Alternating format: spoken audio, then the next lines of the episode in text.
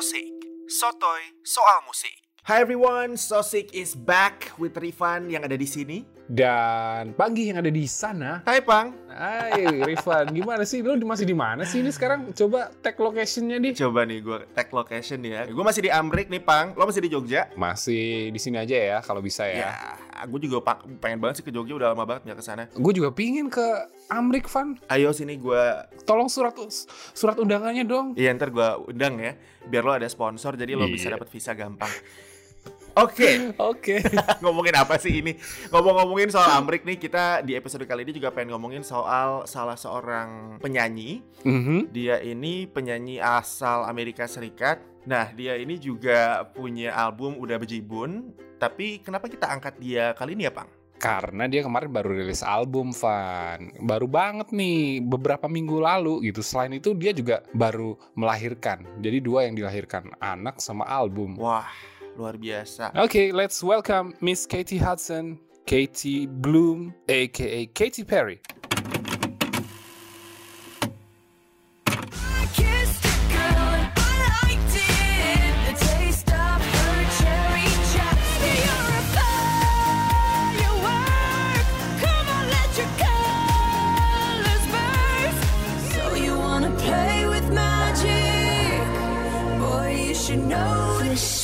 Swish, bish.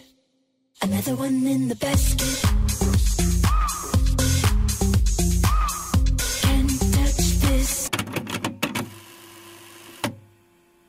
Guess it's never really over. Just because it's over doesn't mean it's really over. And if I think it over, maybe you'll be coming over again. And I'll have to get over you all over again. And I'll have to get over you all over again. Over ini dia satu lagu diambil dari albumnya Smile yang paling baru nih, Yes. album uh, yang nomor berapa sih? Keenam kalau nggak salah nih dari seorang Katy Perry. Betul. Ini uh, kemarin baru rilis sayangnya performanya di chart tuh kayak kurang gitu pan under underperform deh. Tapi sebetulnya lagu yang barusan kita play, Never Really Over, menurut gue enak sih. Iya. Walaupun ya memang nggak se apa namanya nggak semenggelegar ketika dia ngeluarin California Girls 2010 lalu. Bener banget. Nggak tahu kenapa nih kayaknya eh, apa ya cahaya atau sparksnya Katy Perry ini lagi rada redup gitu. Entah entah kenapa kita nggak tahu. Mungkin kita nanti bahas di sini juga sambil kita mau sedikit review nih ya tentang albumnya Smile. Yang kalau menurut gue Yes. sih sebenarnya gue dengerin semuanya sih masih bagus sih Van. Menurut gue masih bener-bener apa ya? Bener-bener eh, pop abis pasti lah ya. Katy Perry kan udah memang sekarang di ranah pop gitu dan uh, beat beats hook hooknya itu sebenarnya enak juga loh Van. Jadi menurut lo lagu-lagu di album Smile ini termasuk Never Really Over tadi lagunya itu masih oke ya? Masih masih masih masih catchy sebenarnya. Cuma nggak tahu mungkin dari uh, ya personanya Katy Perry sendiri mungkin lagi memudar bintangnya gitu ya. Jadi hmm, kurang banyak yang dengerin. Ya, persaingan ketat Pak belakangan Pak. Yang jadi Bener pesaingnya dia itu bukan cuma musisi-musisi Amerika Serikat yang memang udah dari dulu terkenal tapi sekarang juga ada invasi K-pop kan yang memang punya fandom sangat kuat dan Bener juga banget. bisa banget tuh nenggelamin hashtag-hashtag tertentu di Twitter. Mungkin Bener. promosinya udah gila-gilaan tapi terus ketutup aja gitu sama apa namanya promosi ataupun pembicaraan topik lain yang lebih relevan dengan zaman sekarang. Bener banget. Bahkan kalau kamu menilik chart-chart di Hot 100 gitu ya, ini penghuni-penghuninya tuh kadang ini siapa ya? Ini siapa ya? Ini siapa ya? Nggak pernah kenal sama sekali loh. Sama. Ini kan Katy Perry ini kan salah satu big names gitu ya, Household udah name. bener-bener uh, apa ya mega star gitu dan kalau diuangkan mungkin nilainya dia kan million dollar gitu ya. Apalagi kayak dia kemarin jadi juri Indonesian Idol tuh kan Wah gila, Sorry. dia bersama Oh, jadi- Anang Hermansyah ya di Indonesian Idol. tidak lanjut dong.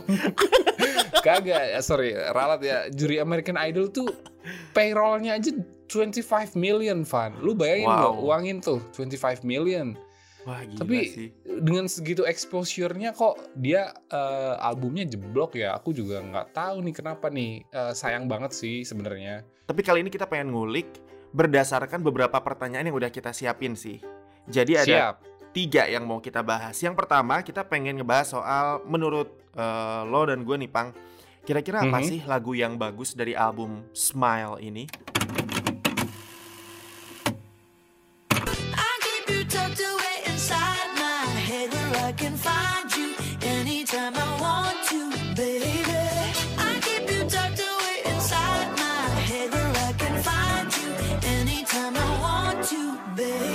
Itu dia ada satu lagu yang menurut gua worth to listen yang belum jadi single dari album ini Mhm. judulnya Tucked.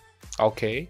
Jadi Yes. lagu itu menurut gua uh, bisa jadi sesuatu yang besar walaupun mungkin tidak akan sebesar single-single Katy Perry yang lama tapi gue sangat suka dengan bassline di lagu itu. No one knows, knows where my mind goes. I keep you on the low. Lagu itu bener-bener bikin gue kayak pengen ngegoyang-goyangin kepala. Terus juga itu mengingatkan gue juga dengan di NCE di Toothbrush. Stuck in limbo, half hypnotized. Each time I let you stay the night, stay the night. Terus udah pasti sih melodinya asik banget dan menurut gue ini sebetulnya bisa banget gantiin Smile buat jadi title track karena buat gue Smile itu agak entahlah menurut gue refnya sih lumayan catchy tapi terus the rest of the song it's flat Iya, kalau menurut gue sih Smile sih nggak jelek-jelek banget ya untuk kayak melodi hook dan sebagainya tuh sebenarnya ngena loh Van kalau lu dengerin zek, zek. aduh enak banget sih. Cuman menurut gue liriknya memang rada apa ya shallow banget gitu kayak kayak it's just like hmm, kurang dalam gitu loh kayak kurang eh, kurang meaning gitu. tapi bukannya memang Katy Perry dikenal sebagai penulis lagu yang memang sering menggunakan eh, lirik-lirik atau kata-kata yang cringe ya tapi memang itu kayak semacam trademarknya dia jadi kalau gue sih ngedenger lagu Katy Perry kayak gitu kayak ya ini Katy Perry emang begini stylenya. Ya nggak sih? Iya juga sih memang dia kan yang uh, ringan-ringan gitulah ya. Apa pop Mm-mm. ringan pop yang easy listening catchy yang memang buat singalong cuman ya itu dia. Kalau nggak salah kayaknya dia mulai lumayan turun gara-gara itu deh kemarin album Witness album Hmm. Witness itu kan walaupun tetap juara satu nomor satu di Billboard itu kan uh, debutnya itu jauh turunnya dari album sebelumnya ya uh, oh Prism sama Teenage Dream itu kan juga masih tinggi tuh masih lumayan banyak single hitsnya sejak Witness itu kan dia ditinggal sama Dr. Luke itu loh Van ditinggal eh, apa namanya karena Dr. Luke bermasalah kan di pengadilan sama Keisha itu yes Wah, bahkan mayoritas kan sebenarnya lagu-lagu dia apalagi yang di Teenage Dream itu kan almost every song itu Dr. Luke gitu the mastermind behind her iya dan ternyata ya mungkin dia harus melepas itu dan cari-cari produser baru get along baru dan kalau nggak salah sih kalau gue baca-baca tuh banyak pen- pendengarnya itu yang kecewa di album Witness itu dan ya turn her- turn their back against her gitu dan ya Hmm. ya mungkin fanbase-nya udah nggak segede zaman dulu gitu pas Teenage Dream itu Iya sih, dan menurut gua di situ faktornya selain tentunya juga dari segi apa produksi yang kemudian tadi lo bilang ditinggal Dr. Luke kan, jadi dia kayak bereksperimen lagi kira-kira dia mau ngerjain apa, apalagi di tahun itu kayaknya banyak banget masalah hidup dia kan, dia sempet benar eh, apa namanya eh, ber apa ya disebutnya eh, bersengketa atau bertikai dengan Taylor Swift kan dan itu it went Mhm. ugly dan menurut gua Mhm. itu sedikit banyak mungkin mempengaruhi persepsi publik juga udah gitu dia ngeluarin album dengan lagu-lagu yang menurut gua terlalu eksperimental yang nggak familiar di kuping orang jadi mereka kurang apa receptionnya ya tidak sebombastis sebelumnya tapi menarik sih Benar. ngomongin soal itu kalau ngomongin Benar. soal fase atau arc-nya Katy Perry itu menurut gua pasti semua orang setuju di uh, masa-masa awal banget ketika dia keluar dengan uh, I Apa namanya? kissed I kissed a girl, yes. Hard and Cold itu tuh bener-bener kayak angin segar kayak wih gila gue belum belum banyak ngelihat artis cewek uh, kayak Katy Perry gitu yang apa Bener. namanya flirty tapi juga uh, apa namanya rock and roll banget tapi terus dia yeah. mulai ber uh, metamorfosis ke apa namanya se, apa sih fase pop candy-nya itu di mm-hmm. Teenage Dream.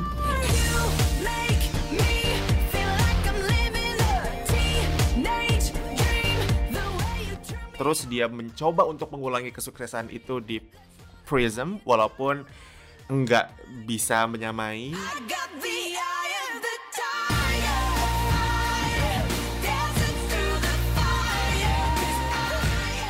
am Walaupun di, dari benar. Prism ada beberapa lagu yang menurut gua eh, sama bagusnya dengan yang ada di Teenage Dream sih.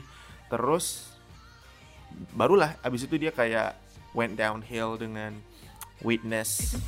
want, boy. Have, boy. Like buffet. Bon, bon. Appetite Walaupun di Benar. Witness gua ada lagu yang gue suka banget juga tuh.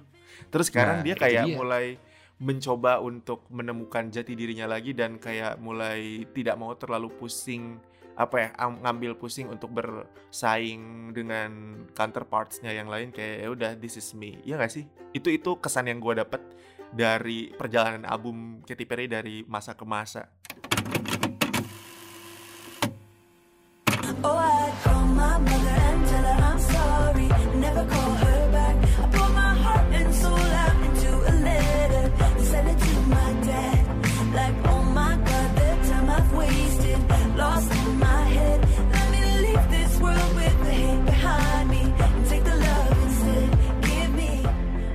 Iya, kalau ini lagu pilihan gue nih Van di albumnya Smile ya, Hmm. yang gue kira bakalan bisa lah paling nggak memperbaiki performa apa namanya single-single dia deh. Ya, tapi ya nggak tahu disupport nggak sama labelnya. Cuman ya itu tadi lagunya Only Love, gue suka banget nih sama lagu ini karena message-nya juga bagus. Uh, Yes. Apa ya? Tetap kalau Katy Perry kan message-nya pasti uplifting, uh, empowering, nyemangatin gitu ya. Ya, dia bilangnya kalau di situ kan liriknya I'm gonna leave uh, all the hate behind me and take only love gitu. Dan ya bener banget in the in the world that full of hate yang ngapain kita juga ikut ikutan benci benci juga kan? Mendingan udahlah kita berbagi aja sama orang lain only love I will take dan ya gue suka sih bagus beatnya Iya. terus uh, ya semangatnya kayak fireworks semangatnya kayak uh, tapi lebih ini ya lebih smooth ya kalau yang Only Love ini nggak se bener bener nggak bener se anthemy anthemy apa tuh anthemy nggak se anthemic apa ya kesannya tuh nggak kayak anthem kayak fireworks kalau fireworks kan kayak bangkitlah Yes. semua orang Yes, yes. Mungkin sedikit ini kali ya, sedikit personal gitu ya, sedikit Yes. kayak uh, refleksi diri juga. Jadi uh, mungkin nggak se-anthemic itu, tapi ya ini satu lagu yang gue suka. Selain ada satu lagi sebenarnya sih, Not the End of the World gitu ya. Biasa Lo nyemangatin. suka lagu itu Iya, seriously ala ala ala E.T. gitu. I, uh, I get the vibe though tapi gue nggak Yes. begitu suka kalau uh, Not the End of the World itu menurut gue apa ya eh Sama, terlalu to, to, gamblang to put juga. it to put it simply forgettable sih buat gue ya.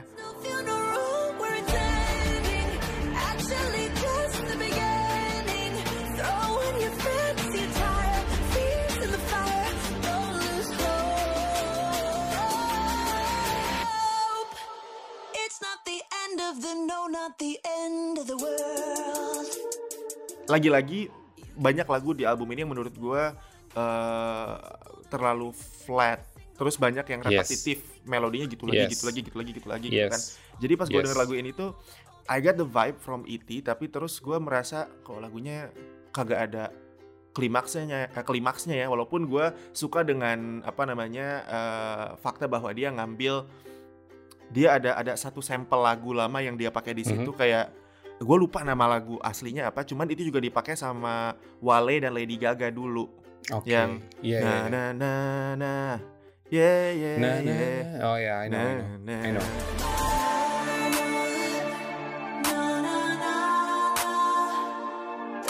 Say goodbye.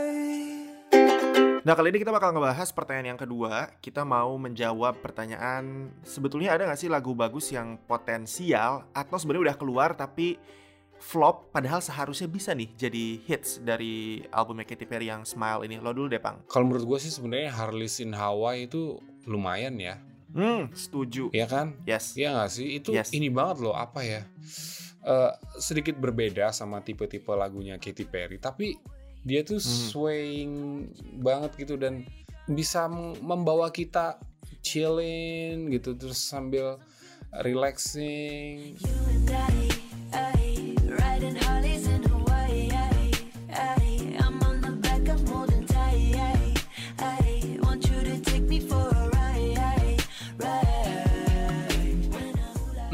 sayangnya sama sekali nggak masuk chart juga, Van. Billboard Hot 100 tuh. Oh iya? Yes, it is. Padahal juga udah dipromosiin juga, lumayan gila-gilaan. Iya sih, maksud gua kalau dari album ini clearly it's not uh, apa namanya as strong as Teenage Dream album Yes. ya. Maksudnya um, di dalamnya juga nggak ada lagu yang punya potensi hit sebesar lagu-lagu di dalam Teenage Dream yang menurut gua itu Teenage Dream tuh kayak Katy Perry ini hit semua masukin Iya. gitu, kayak gitu. Yes, bener. Iya nggak sih? Iya. Even banyak banget lagu-lagu yang nggak jadi single tapi nancep di pala gua sampai sekarang. Bener. cuy. Sama. Tapi Berarti itu yang- ada, gua Iya bahas, kan? kita bahas pertanyaan ketiga.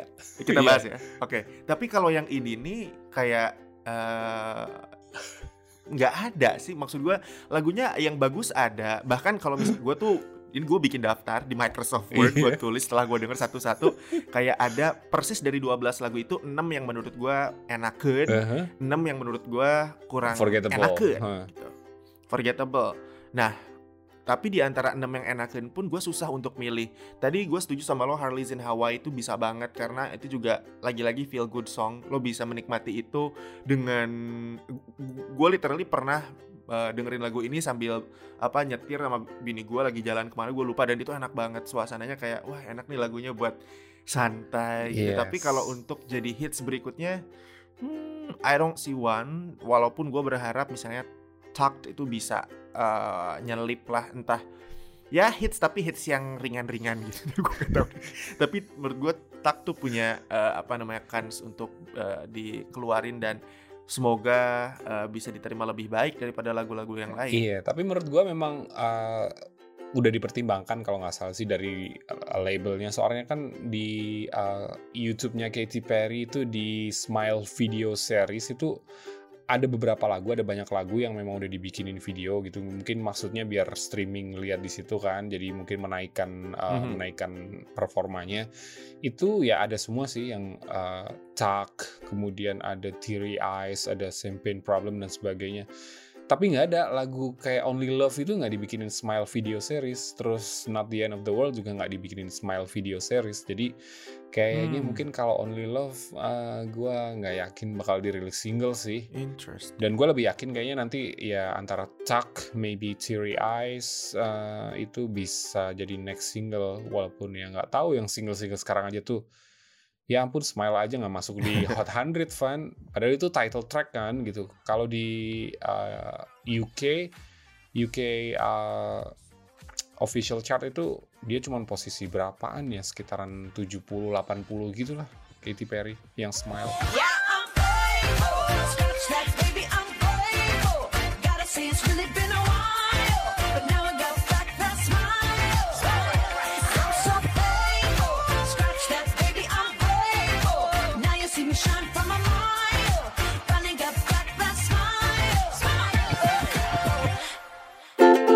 Oke lanjut ke pertanyaan ketiga. Lagu dari katalognya Katy Perry yang kamu bener-bener favoritin Entah itu single hits, entah itu non-single Yang mungkin sampai sekarang masih kamu Apa ya, masuk di heavy rotation kamu Atau mungkin justru itu Uh, ini nih sayang banget dulu nggak jadi single dan sebagainya. Kalau dari gue itu jelas salah satunya dari album Teenage Dream masterpiece-nya Katy Perry nih ya yang menelurkan 5 single hits itu hampir memecahkan rekornya Michael Jackson loh itu Van. kayaknya malah memecahkan Michael Jackson record deh Enggak sama menyamai, oh menyamai ya menyamai. Kalau The One That Got Away dari nomor satu itu dia memecahkan, tapi sayangnya cuma nomor dua itu. hmm Iya, oke ya satu yang gue suka dari uh, album ini tracknya yang judulnya Hummingbird Heartbeat. You give me that hummingbird heartbeat.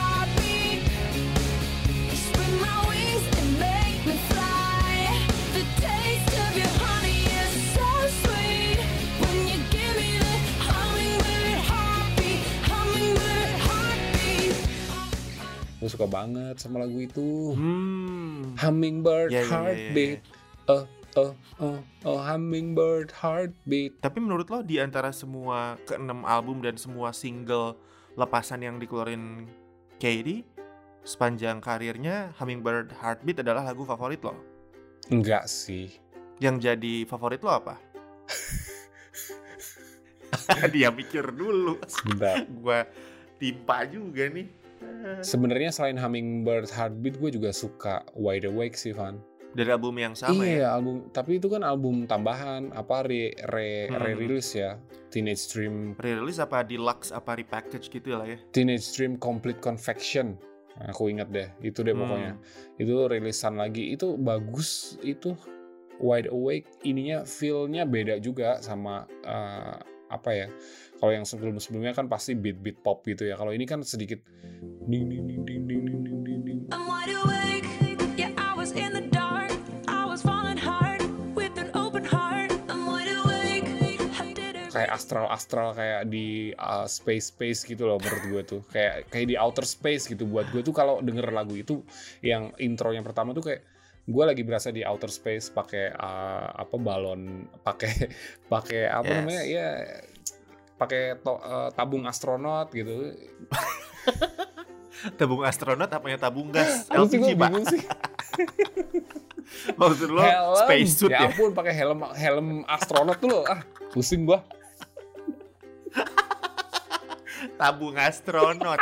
Aduh, 12 kilo apa 3 kilo? sorry nih? pak gue sering beli ini kemarin bini gua habis nih tabung gasnya Oke, berarti lo suka Wide Awake sama Hummingbird Heartbeat. Ya? Yes, satu single, satu non single. Oke, okay, sekarang giliran gue ya. Iya, yeah, apaan sih? Penasaran gue.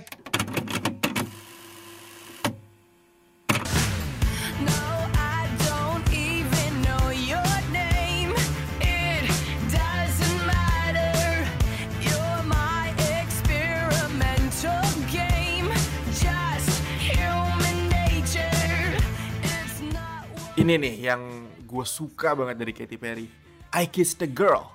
Itu menurut gue lagu yang apa ya? Gue nggak bisa nolak untuk nggak dengerin. Kalau misalnya itu diputer nih di mall atau nggak di mana di radio apa di mana itu gue nggak bisa nolak untuk eh Sing along. dengerin. Jadi pasti gue sing along dan gue suka banget dengan lagunya dan ya itu juga lah yang memang melontarkan Katy Perry ke stardom kan. Itu yang uh, menjadi fondasi dia untuk kemudian bikin uh, apa namanya uh, karir dia yang lebih maju lagi dengan Teenage Dream dan lain sebagainya. Tapi sebetulnya gue punya beberapa lagu Katy Perry yang memang gue suka banget juga selain I Kissed the Girl.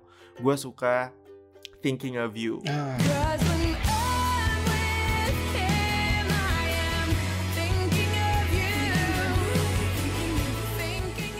udah lama banget gue Iya, nggak iya. denger Bener-bener. sisi Katy Perry yang itu tuh. Sebenarnya Only Love tuh rada-rada satu vibe dengan Thinking of You sih. Mhm. Cuman Thinking of You tuh sangat menunjukkan sisi kerapuhannya Katy Perry dan itu it works very well in the song dan gue suka sekali. Terus ada E.T. Wow. Ya, apalagi yang uh, duetnya sama Kanye West yes. yang versi duet. Yes.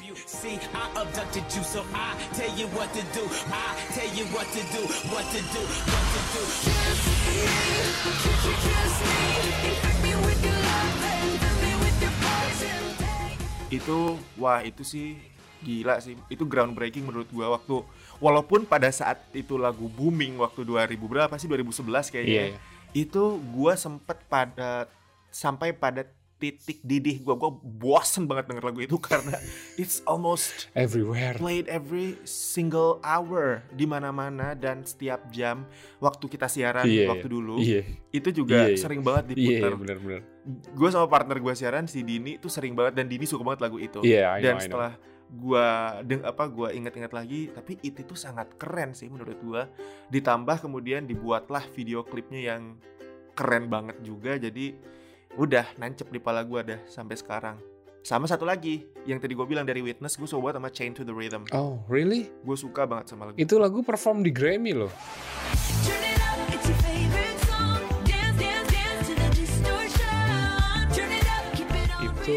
Diciptain sama si Sia ya, Sia. Oh, Iya, iya, iya. Oh, pantes. Pantes kalau dipikirin ya juga ya, kesia-siaan. Kesia-siaan. Aduh, tidak dimanfaatkan dengan baik, jadilah kesia-siaan. Iya, itu gue suka banget sama Rhythm to the eh, apa? Chain to the Rhythm, tapi kalau guilty pleasure, gue suka banget sama Peacock. Don't be a shy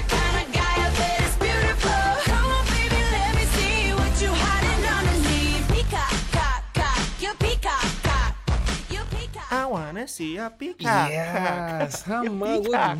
Gue juga sama itu cuman itu lagunya so apa ya sangatlah penuh makna ya. Satu selubung Makna dalam gitu tanda kan. kutip ya. Iya, i- ya, itu juga bagus sebenarnya. Cuma mungkin ya pertimbangan kalau dirilis sedikit-sedikit nah, mungkin bisa nyerempet vulgar gitu kali ya. Yes, itu dia Katy Perry. Kita udah bahas album dia yang Smile dan apa yang kita apa ya pikirin tentang album itu. Dan gua nggak tahu sih ke depan ini Katy Perry bakal punya album atau bakal punya kiblat musik yang kayak gimana karena em, kalau dilihat dari track recordnya dia, dia kayaknya punya tendensi untuk bereksperimen Bener. I mean album yang Smile ini pun walaupun agak kembali ke rootnya dia yang lama tapi menurut gue ini lebih dewasa, lebih kontemporer dan dia bereksperimen juga di beberapa lagu. Iya benar, memang seharusnya gitu sih. Ya album-album yang diciptakan dari artis-artis kan harusnya mengikuti apa ya perkembangan dan perjalanan hidupnya gitu ya, metamorfosa. Kalau Mhm. misal ngepop terus gitu ya, mungkin ya bingung juga ya. Mungkin ya ada metamorfosanya lah sesuai fase dari si artis itu sendiri. Dan kalau gua sih ngarepinnya sih Katy Perry nggak usah terlalu ini ya. Kayaknya kalau gue lihat dari kayak komentar-komentarnya dia tuh dia sedikit memikirkan banget gitu ya. Memikirkan banget dia tuh nggak bisa jadi chart topper lagi gitu loh. Dan itu kelihatan banget gitu. Dia kayak aware banget gitu loh Van. Aware banget. Gue pingin em, meraih posisi itu lagi gitu. Padahal kan Hmm. ya pasar lu nggak bisa kendalikan kan pasar ya selera selera mereka menurut selera mereka aja kalau menurut gue sih Katy Perry tinggal bermusik aja yang memang honest kayak dia tuh menurut gue sih ah, harusnya publik bisa Hmm. nerima sih Setuju sih gue. Dan eh, kalau misalnya Katy Perry dengerin Sosik nih, dengerin podcast kita, Teh Katy, saya harap Teteh mempertimbangkan untuk kembali eh, menekuni eh, genre ataupun musik-musik seperti Teteh kerjakan waktu zaman I Kissed a Girl. iya itu ada Itu ada rock rocknya gua suka gitu loh Van asik banget tuh memang sih Hmm. rock Suara dia kan cocok buat lagu-lagu kayak gitu. Jadi Iya. gue sangat menantikan momen-momen ketika raspiness and her apa ya suara-suara dia yang keras itu keluar lagi. Iya. Dan semoga itu nggak lama kita nunggu. benar dan gue berharap ya Katy if you listen to this You're not a plastic bag. You're not a plastic bag. Just listen to your song, Firework. Do you ever feel like a plastic bag drifting through the wind, wanting to start again? Firework, come on, why.